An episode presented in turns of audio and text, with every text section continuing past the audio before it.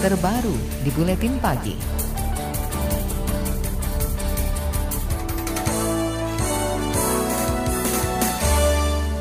Amnesty International menyebut praktik penyiksaan yang dilakukan aparat kepolisian saat proses pemeriksaan kerap terjadi. Penyiksaan itu dilakukan salah satunya agar terperiksa mengakui yang dituduhkan polisi. Direktur Eksekutif Amnesty International Indonesia Usman Hamid mengatakan praktek penyiksaan itu salah satunya terjadi ketika usai polisi menangkap sejumlah demonstran dari gedung DPR akhir September lalu. Saat itu ia tengah mendampingi aktivis Ananda Badudu yang diperiksa oleh kepolisian. Eh, Ananda Badudu memberikan keterangan yang mengejutkan setelah ia eh, dilepaskan atau dibebaskan di kepolisian daerah Metro Jaya. Ia mengatakan bahwa ia menyaksikan langsung beberapa mahasiswa dan juga pelajar yang diperlakukan secara tidak etis selama proses pemeriksaan. Direktur Eksekutif Amnesty International Usman Hamid menyebut tindakan penyiksaan itu menimbulkan trauma bagi korban. on Dia menyayangkan sikap polisi yang justru tidak membuka diri dan tidak melakukan investigasi internal. Usman juga menyebut bahwa selain disiksa, tersangka juga kerap tak mendapatkan pendampingan hukum.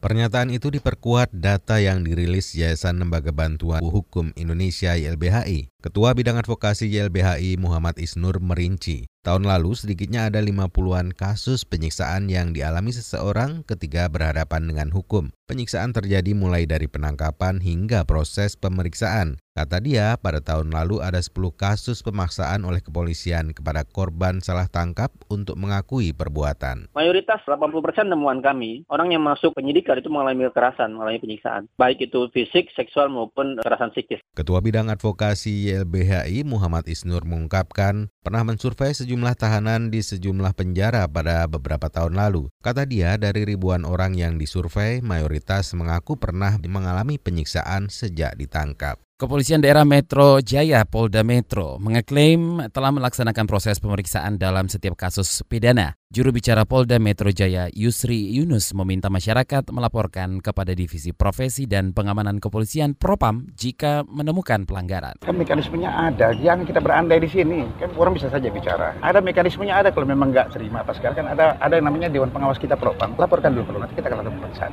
Oke? Okay? Keterangan juru bicara Polda Metro Jaya Yusri Yunus disampaikan menanggapi adanya dugaan penganiayaan kepolisian kepada terdakwa aksi demo Lutfi Alfiandi. Yusri enggan menanggapi lebih lanjut terkait dugaan adanya kekerasan lain dalam proses pemeriksaan yang dilakukan kepolisian dalam setiap kasus pidana. Dewan Perwakilan Rakyat mendesak kepolisian mengusut pelaku penganiayaan saat proses pemeriksaan. Anggota Komisi Hukum DPR Taufik Basari menegaskan proses pemeriksaan harus tanpa kekerasan, tekanan, dan bebas memberikan keterangan apa pun. Kata dia, implementasi slogan polisi humanis saat ini masih kurang. Penyiksaan itu adalah satu pelanggaran HAM yang serius, artinya negara punya kewajiban secara khusus untuk memberikan perhatian terhadap praktek penyiksaan, terutama yang terjadi dalam proses-proses hukum. Nah yang kedua, di dalam teori hukum pidana juga, keterangan yang diperoleh melalui penyiksaan itu tidak bisa dipergunakan di pengadilan.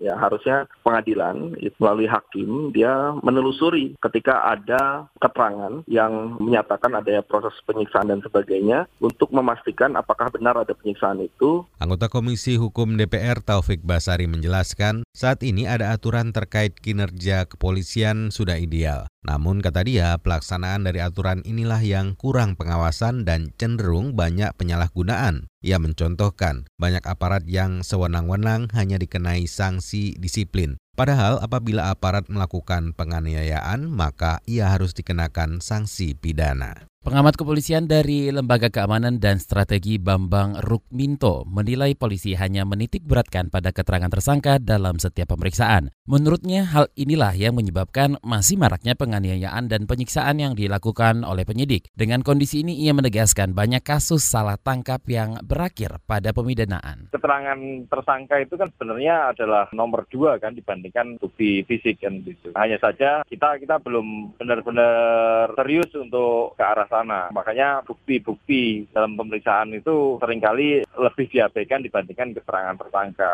Bambang Rukminto menyebut Propam serta Inspektorat Pengawasan Umum Kepolisian Itwasum tidak tegas dalam mengawasi tindakan aparat. Ia pun berharap ada aturan yang menginstruksikan pembentukan lembaga independen yang bertugas mengawasi serta memberi sanksi kepada aparat yang melanggar hukum. Anda tengah mendengarkan KBR, radio berjaringan yang berpredikat terverifikasi oleh Dewan Pers.